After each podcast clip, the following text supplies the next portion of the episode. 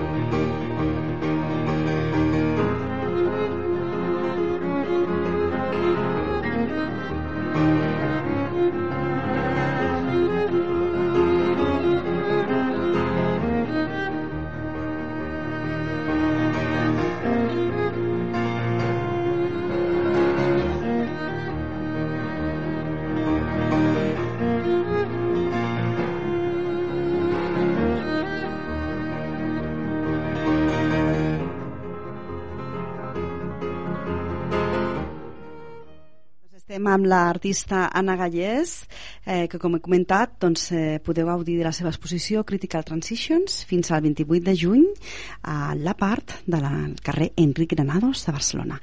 Bona tarda, Anna, com estàs? Bona tarda, molt bé. I tu? Molt bé, molt bé.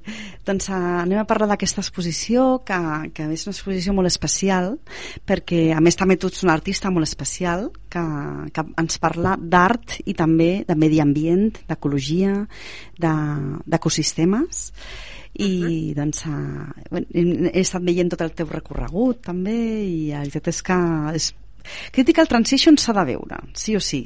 Jo convido tota la ciutadania de, de Barcelona que li agrada l'art, que li agrada que, que té inquietuds mediambientals, que vagi a veure-la. Que bé, moltes gràcies. M'alegro molt que t'hagi agradat. La veritat és interessantíssim aquesta, aquesta manera de, de, de plantejar-nos l'art, no? que és uh, amb el medi ambient. Sí, no se sol treballar massa, perquè d'entrada, clar, eh, treballar amb, amb sistemes vius no és fàcil perquè no són controlables, no? però, bueno, jo volia fer una, una mirada, volia fer una mirada artística cap a conceptes com la transformació i el canvi a, eh, a través dels ecosistemes. I en comptes de fer servir un suport més convencional, no, doncs fa anys que treballo amb els ecosistemes aquàtics i, i volia fer-lo servir com a metàfora d'aquests aquest, conceptes, no? de, de, del canvi i de, de transformació en, de la, en les coses. Uh -huh. I lo, el que m'ha sorprès no, és que quan parles d'ecosistemes ens dius que no només eh, en, en, ens hem d'imaginar els ecosistemes típics, no? que, que són els de la uh -huh. natura, sinó també fins i tot el cos humà o la ment humana poden ser uh -huh. ecosistemes també, no? Bueno, mm, sí, són sistemes. Els, uh -huh. uh, són sistemes perdó, complexos, no? Uh -huh. Un sistema complex ve a ser un sistema on hi ha mm, infinitat de variables, uh, de factors que interactuen entre si, no? Doncs, i per una societat un ecosistema, eh, el cos humà, eh, està composat per moltíssims eh, elements, eh, eh, cèl·lules, organismes eh, que interactuen entre si. I, per tant, és molt difícil de, de, de simplificar-los, no? I hi ha uns patrons que, universals de, que afecten a, a, aquests, als sistemes complexos i que s'han fet servir per descriure com aquests sistemes poden canviar, no? com poden canviar eh, radicalment. Uh mhm. -huh. I mm, el que, el que, agafant els ecosistemes aquàtics com a exemple, de, de com un sistema canvia, eh, es pot parlar de molts altres sistemes. No? Els ecosistemes aquàtics són un exemple de, del que pot passar, eh, el que li pot passar a una societat, a, a la ment humana, a un altre ecosistema, a sistemes més grans com pot ser eh, l'oceà, no? que són ecosistemes d'unes dimensions eh, molt més grans. Mm, I eh, és el que em va semblar fascinant no? d'aquesta teoria ecològica, no? que parteix del, de l'estudi dels ecosistemes per estudiar patrons de canvi en, en, en tota mena de sistemes complexos. Mm -hmm. I que també, eh, si un, un cop que s'arriba a una, un canvi radical d'aquest ecosistema o de sistema complex, després no hi ha un, un retorn. Bueno, no hi ha un retorn o no hi ha un retorn fàcil. Pot ser uh -huh. molt complicat. O sigui, els sistemes normalment tenen mecanismes que els retroalimenten, no? Per exemple, una societat. Si en una societat tens una mm, certa prosperitat econòmica, mm, sempre hi ha desigualtat, eh? però vull dir que una certa prosperitat econòmica, tens una certa pau, eh, tens eh, absència de violència, tens eh, una certa estabilitat política, tot això són mecanismes que es retroalimenten. Uh -huh. En canvi, si tu passes a una, aquesta societat, canvies radicalment a un context social on predominés eh, la pobresa, on hi predominés la violència, on hi predominés la inestabilitat política, es creen cercles viciosos dels quals som, és molt difícil sortir. Per exemple, el cas d'Haití, ara mateix està una mica d'actualitat, no? Uh -huh. Són, què passa? Eh, que no hi ha manera de, de sortir d'aquesta espiral de, de, de... Doncs, um, Ai, perdó, ara he perdut el fil, no sé. No, no, sé... no sí. Amb els canvis aquests, no? Quan hi ha... Ah, sí. Sí, violència, inestabilitat política... Sí. Sí, perquè el, els, uh, de la mateixa manera que en una societat doncs, hi ha, tenim, hi ha, que uh, un sistema té uns mecanismes que, el, que l'estabilitzen d'una determinada manera, uh mhm. -huh. quan canvies, quan passes un, un llindar i canvies d'estat, uh, també quedes atrapat en, una, en un altre cercle viciós. No? Sí. Um, que pot ser negatiu o pot ser positiu també, eh? Pot ser que uh, canvis d'estat de, de, de, i passis a un, estat millor.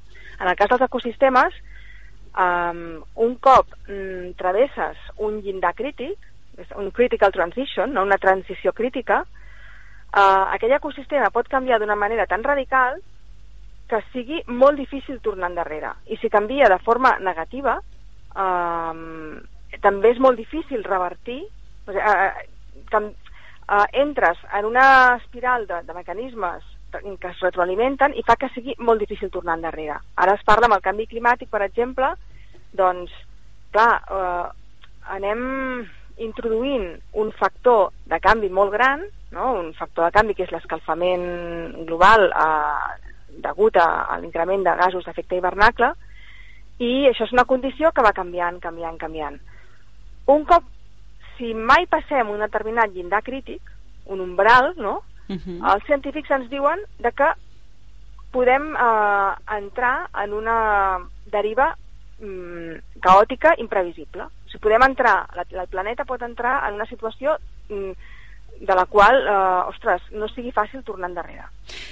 Doncs estem a, a prop, hem d'anar molt en compte, perquè, per exemple, que ha passat a Alemanya, ha estat un avís, no?, o, o al Japó, sí. eh, que per molt que siguin països molt desenvolupats, doncs mor gent amb les inundacions, amb, amb les pluges, perquè la naturalesa respon de manera doncs, rebel no? quan hi ha tots aquests canvis.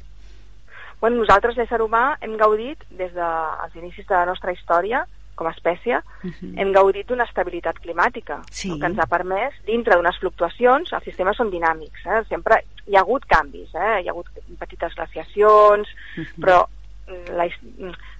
l'ésser humà ha pogut prosper, prosperar com a espècie eh, perquè ha trobat una situació d'estabilitat climàtica um, si entrem, entréssim en una situació d'inestabilitat climàtica molt forta, molt bèstia, a uns als escenaris més pessimistes, clar, això fa molta por perquè no sabem si això eh, permetrà que l'ésser humà visqui en les condicions eh, que ha viscut fins ara, no? Uh -huh.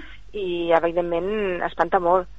Sí que és cert que és, és com tot, no? Si l'ésser humà, eh, eh, almenys, si més no a Occident, mai havia viscut amb les desigualtats que hi ha i amb tots les parors, eh? però mai havia viscut amb les comoditats que havia viscut fins ara. El poder mm, que gran part de la població no passés fred a l'hivern, que gran part de la població no passés fam. Això mm, és inèdit en la història, Uh -huh. però això té una contrapartida. No? El, Sí. el, el, el poder, l'haver pogut assolir, pogut, pogut assolir aquesta comoditat eh, té un preu. Uh -huh. És, és com la cara negra, no? El- La cara negra que té, eh, bueno, la cara fosca que té tot, no? El, el Tao, és dir, bueno, és que també soc... mm, M'agrada molt la filosofia taoista Uh -huh. i ens ensenya això, no? Que tot té la seva contrapartida. És Tot té la exacte. seva contrapartida. Sí, sí, sí. Mhm. I, bueno, hi ha gent com tu que, que, que tens una fundació meravellosa, l'Andrena, que l'has creat pre- pues, justament per preservar els ecosistemes, eh, aquests ecosistemes aquàtics, i has, heu pogut salvar cinc llacunes, no?, de moment, així que déu-n'hi-do, que una meravella, no? Sí, perdó, sí. Hem fet un treball molt interessant a, a través d'Andrena, Mhm. sempre uh, recolzant a altres entitats, no?, de, de la mà d'altres entitats, i tenim diversos projectes, i poder el més emblemàtic és un projecte a sud de Catalunya, a, al Baix Ebre, a l'Ametlla de Mar, on allà hem recuperat uh, sí, eh, una, cinc llacunes, per, cinc llacunes litorals per la conservació del, del samaruc, que és un peix que un peix que està en perill crític d'extinció, és un peix que té una distribució eh, mundial molt petita, pensa que és un peix que només viu a València i al sud de, de Catalunya. Sí, sí, no sí. viu enlloc més del món. I a la franja litoral, que tots Mhm. sabem com està, aquesta franja. Llavors és un peix que està, necessita un hàbitat de molt bona qualitat i, i el problema és que, bueno, clar, aquest hàbitat està degradat. Precisament en la, en, en, en, a través d'Andrena hem volgut, eh, hem recuperat diverses llacunes Fantàstic. de litorals. Que precisament el que hem vist és que les llacunes litorals, quan estan en bon estat de conservació, són transparents i estan plenes de plantes aquàtiques, com els ecosistemes que surten a l'exposició. Exacte. He volgut jugar amb eh, ecosistemes transparents i amb plantes aquàtiques en contraposició amb, contra, en ecosistemes verds i tèrbols que serien l'altra cara de la moneda. Uh -huh. Veiem tres diferents, uh, tres ecosistemes diferents a l'exposició. Eh, un amb aquest, aquestes aigües verdes i tèrboles que, amb, i amb clarament es veuen els animalons no? allà també, els Mhm. peixos uh, després hi ha un altre que té l'aigua clara no? té totalment clara amb les plantes i un altre que té les aigües també creuades no? també Uh -huh. uh -huh. Sí, els ecosistemes aquàtics, encara que siguin quiets, encara que siguin immòbils, sense filtres i sense bombes d'aigua, poden ser totalment transparents Mhm. i amb, rics en vida, amb plantes aquàtiques, amb organismes aquàtics, amb libèl·lules... Uh, però quan, quan els incrementem els nutrients o els contaminants orgànics, pot passar un, pot, poden travessar un llindar eh, si tu li vas incrementant en aquest sistema, li vas incrementant eh, els nutrients que va rebent, mm, pot arribar un moment en què es tornin verds, verds totalment verds i tèrbols com una sopa. Uh -huh. Però això ja seria una situació de degradació, aquest, eh, que nosaltres, com eh, vivim en un context on la major part de les llacunes litorals estan eh, degradades, quan visualitzem una bassa, Uh Uh, -huh. molta gent ja visualitza directament un ambient verd i tèrbol que no es veu res com una sopa i no és així, o sigui, si no estiguessin degradada, degradades aquestes llacunes serien mm, transparents i plenes de plantes aquàtiques com els ambients que, que surten a l'exposició Uh -huh. Això és, eh, bueno, és un, gran part de la societat ho desconeix perquè realment no són ambients massa coneguts els ambients aquàtics. La gent les descobreix més amb es- excursions, sortides, que no pas normalment la gent no, d'aquí, o sigui, la gent que està, viu a la ciutat, sobretot, no? Eh, uh -huh. I nosaltres, que no visquem als Estats Units, que hi ha molts llacs i llacunes, per uh -huh. exemple, que, que la gent està més habituada, no? Potser. Eh, sí que és veritat que la gent des, desconeix com és aquest mitjà aquàtic, no? Eh, fluvial o, o de, de llacunes, d'estanys, de, Sí, sí, és veritat. I clar, eh, la veritat és que hi ha coses precioses que podem anar mm, descobrint i que el millor seria que la gent contribuís, no?, perquè es conservessin i estiguessin bé. Sí, bueno, ja és complicat, eh, però sí, sí, perquè... Uh, mm, però una de les millors maneres és conèixer aquests ambients i valorar-los sí. quan estan en bon estat de conservació. No? Uh -huh. um, ara es parla molt del Delta del Llobregat, per l'ampliació de l'aeroport. Eh, el Delta del Llobregat eh, sí que és cert que pateix una situació de degradació en les seves aigües. Eh, a pesar de que hi ha moltes depuradores eh, i que s'ha fet una molt bona feina, també és un lloc de molta agricultura intensiva eh, i, i, i arriba aigua d'una zona d'una zona molt poblada. Uh mhm. -huh Uh, però sí, seria molt interessant que la gent valorés i conegués aqu aquests espais. Sí, per poder, sí, sí. sobretot per la gent més jove que està tan preocupada uh, pel medi ambient, eh, poder anar uh -huh.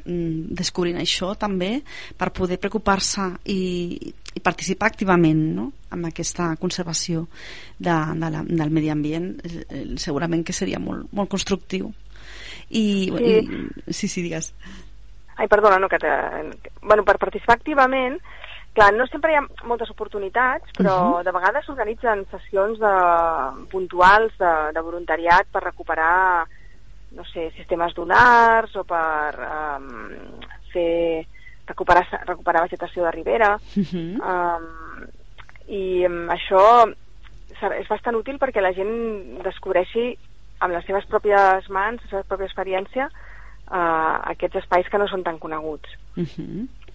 Exacte. Ara també aquest any doncs, uh, hi ha un, és un any que, que es nota que aquest estiu hi ha poca pluja. Llavors també eh, els boscos estan amenaçats, eh, incendis. També si hi ha inundacions també deuen afectar a les llacunes, ai, les aigües sobtades també deuen afectar les llacunes d'alguna manera, no?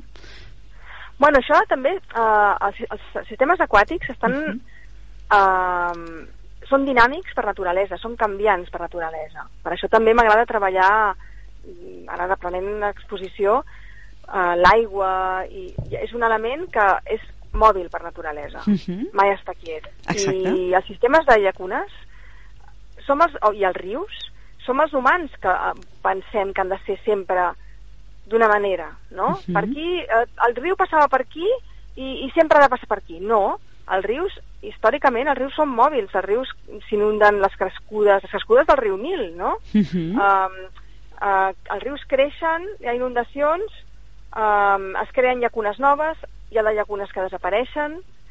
Uh, el problema és que nosaltres, els humans, com hem crescut molt poblacionalment i, i hem ocupat uh, les planes al·luvials, uh, hem ocupat uh, espais on uh, històricament el riu eh, allà poder hi fer una crescuda cada 500 anys. Uh, si, clar, uh, els sistemes naturals estan adaptats per, per rebre aquestes crescudes. No tenen cap problema, no hi ha problema. Uh -huh. Poder, uh, quan hi ha una pertorbació d'aquesta mena, es regenera el sistema. Uh -huh. Poder, sí que moren alguns, moren alguns animals, uh, cauen arbres, però tot torna a començar. No? Ja, no, forma part de la, de la dinàmica i dels cicles naturals. Clar, per nosaltres, els éssers humans, els éssers, éssers humans, si aquestes pertorbacions comencen a ser molt severes i, i molt, molt fortes, com les d'Alemanya, o incendis bèsties com els que hi va haver a Austràlia l'any passat, que ja no ens recordem, sí. clar, això són pertorbacions molt severes que si comencen a ser molt freqüents eh, pot ser un problema molt, molt greu per nosaltres clar, perquè no... no, no, no però per, pels sistemes naturals no és tan problemàtic, a no ser que la severitat de les pertorbacions mmm, fos molt, molt, realment molt gran.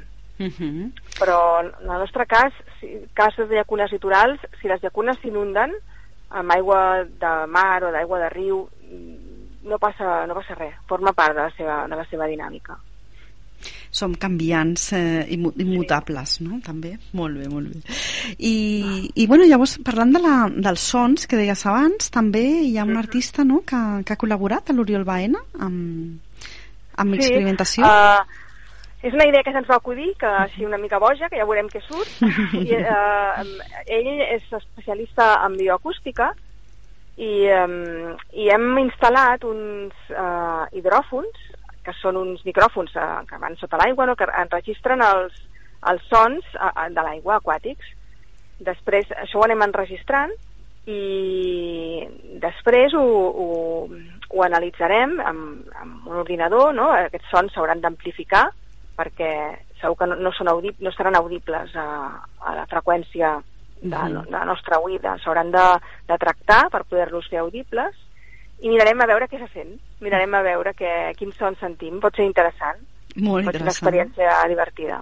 Sí, sí, es podria fins i tot tenir un, re un registrament sonor no, de, interessant per poder posar-lo també a una altra exposició, a una exposició complementària teva. Sí, i tant, podria ser molt, molt bonic.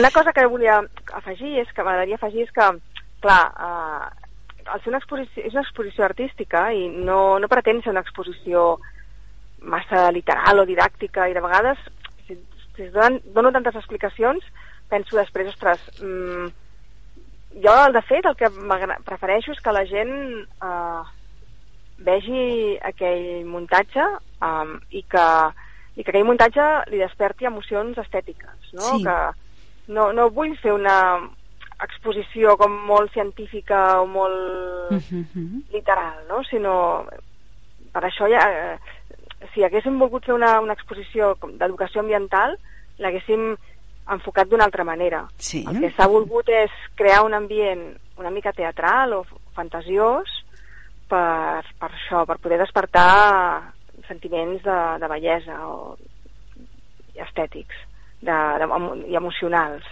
no, no només, no només uh, racionals o, o científics.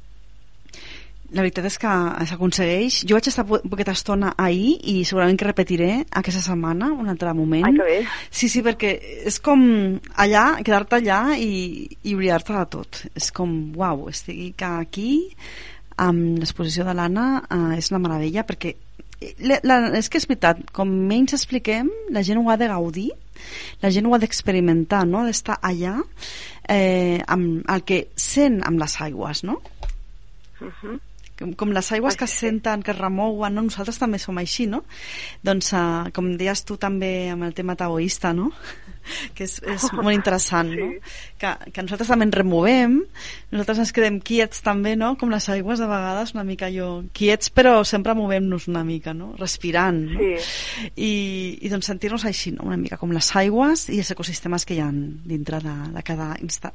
Hi ha les tres instal·lacions que hi ha, no? Que aquestes tres instal·lacions tan boniques que hi ha i, i volia preguntar-te només, com a curiositat, amb la relació amb l'altra petita exposició que hi ha de, amb, de, de, bueno, de Martin Schaeffer, no? de, del, uh -huh d'aquest experiment amb, les, amb els canvis visuals que uh -huh. hi ha, no? Uh -huh. Uh -huh.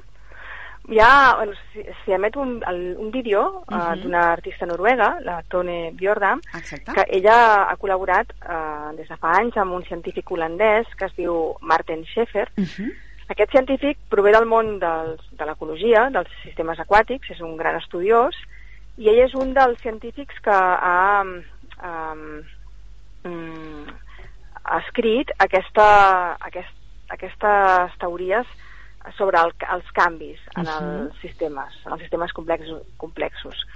I, uh, de fet, aquest, uh, la seva el, els seus escrits els he, fet, els hem fet servir bastant en restauració ecològica uh mhm. -huh.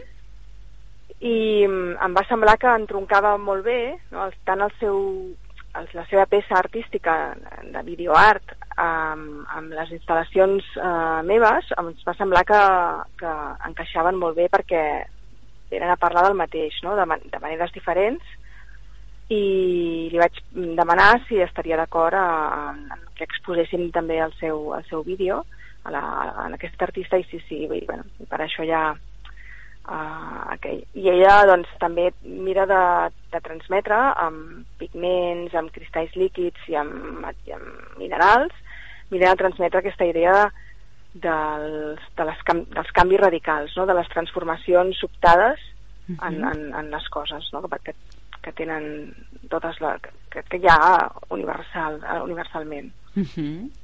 Sí, sí, i queda molt, molt, molt ben acompanyat, no, tot, la veritat. Amb aquesta... Trobo que sí que sí, eh? que s'hi diu força. Uh -huh. La galeria està oberta a les tardes, veritat? Eh, la part? Sí, de, uh -huh. normalment està oberta a les tardes, de 4 a 8. Uh, si algú hi vol anar uh, i només hi pot anar al matí, a la porta hi ha un telèfon i a la porta de la galeria i al, uh, al matí ells, els de la galeria estan allà al costat treballant en, en un altre taller, uh, res, allà mateix, i si algú només hi pot anar al matí però està, ja està interessat pot trucar en aquest telèfon i el, el, el van a obrir. Perfecte. Però, uh, sense cap problema.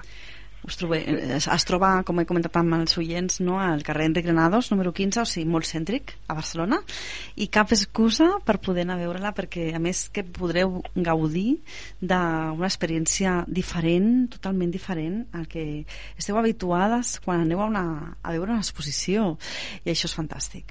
Eh, la veritat és que recom bueno, eh, recomanaré moltíssim anar i esperem seguir la teva trajectòria tant com com a especialista en medi ambient com a, com a artista. Ai, moltíssimes gràcies, t'agraeixo molt, estic molt contenta, sí, sí, mm. això em fa molt feliç de que, de que, de que t'hagi agradat tant, i tant, ostres. El, el missatge que transmets és meravellós, és meravellós, perquè és un missatge de... És un missatge positiu, és un missatge de consciència, eh, i en aquest sentit sí que veig el taoisme allà darrere, no? És, és consciència, però prenent consciència, no?, a, través de la bellesa que, que ens brinda l'art i la natura, no? i també eh, d'aquesta poesia tan, tan bella no? que té l'art i la natura. No? I, I després, amb aquesta consciència que prenem, prenem, prenem responsabilitat no? sobre el medi ambient. És el que sí, jo... Doncs... Mm -hmm. També una altra... No, bueno, no sé si estem fora de temps, però uh, una no, altra... Bueno, sí, però bueno... Volia... Ah, bueno, no, no, però bueno, sí, sí, afegeix, afegeix. Que no és tan obvi és que la tria de, de la, la forma que vam triar per aquesta aquesta forma de, com de calza, sí. de, de vidre, uh -huh. uh, no és casual, és una forma que pretén evocar uh, aquesta forma creativa universal, no? que és el calze, no? una mena d'úter, no? úter universal, no, no relacionat amb, amb, amb sinó uh, com una força creadora. Uh -huh. I, I també relacionat amb la lluna, uh, la lluna plena, la lluna que es reflexa sobre, reflecteix a l'aigua, uh -huh. la lluna com a, com a símbol també de transformació, de, de transformació cíclica i constant. Molt bé. I també ens va agradar jugar amb aquests, amb aquests símbols. Sí, a més es, veuen, es veu aquest efecte de, de llums al sostre i uh -huh. aquest, aquest efecte lunar, no?, també. Fantàstic. Sí. Molt bé, doncs la veritat és que eh, enhorabona per fer un, un, aquest art tan meravellós que, que fas, Anna, i també per aquesta consciència amb la natura i el medi ambient que tens.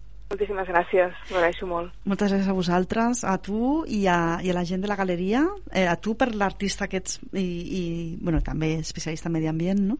I, i per la galeria també, que no coneixíem aquesta galeria i suposo que tu ja els deus conèixer bastant, m'han semblat una gent molt delicada, meravellosa, no? Molt... Sí, molt maco. Sí. I gràcies també a la Laura García, que gràcies a ella també t'he pogut conèixer. Doncs uh, sobretot convidem molt al públic que vagin, eh, que hi vagin, que estaran fins a, estarà fins al dia 28. Hi ha possibilitat de que allargui aquesta exposició? No, perquè després hi ha, després, uh, hi ha una altra exposició uh -huh i, de, i després aquesta, aquesta, aquesta instal·lació, clar, quan un cop es desmonti, desapareix. Clar, les, eh, els ecosistemes i els podem portar en altre puestos, el, el, el, són vius, no, sí. no, no es poden emmagatzemar en un magatzem es, uh, esperant que hi hagi una altra exposició. Clar. Haurem de buidar, clar, haurem de buidar els, uh, els contenidors, no? els, meso, els mesocosms, els, haurem de buscar un hàbitat per les plantes i, i pels peixos i, i si mai es torna a exposar aquesta instal·lació, doncs haurà de ser començant de zero. Uh -huh. Cosa que també és interessant. Interessant i singular.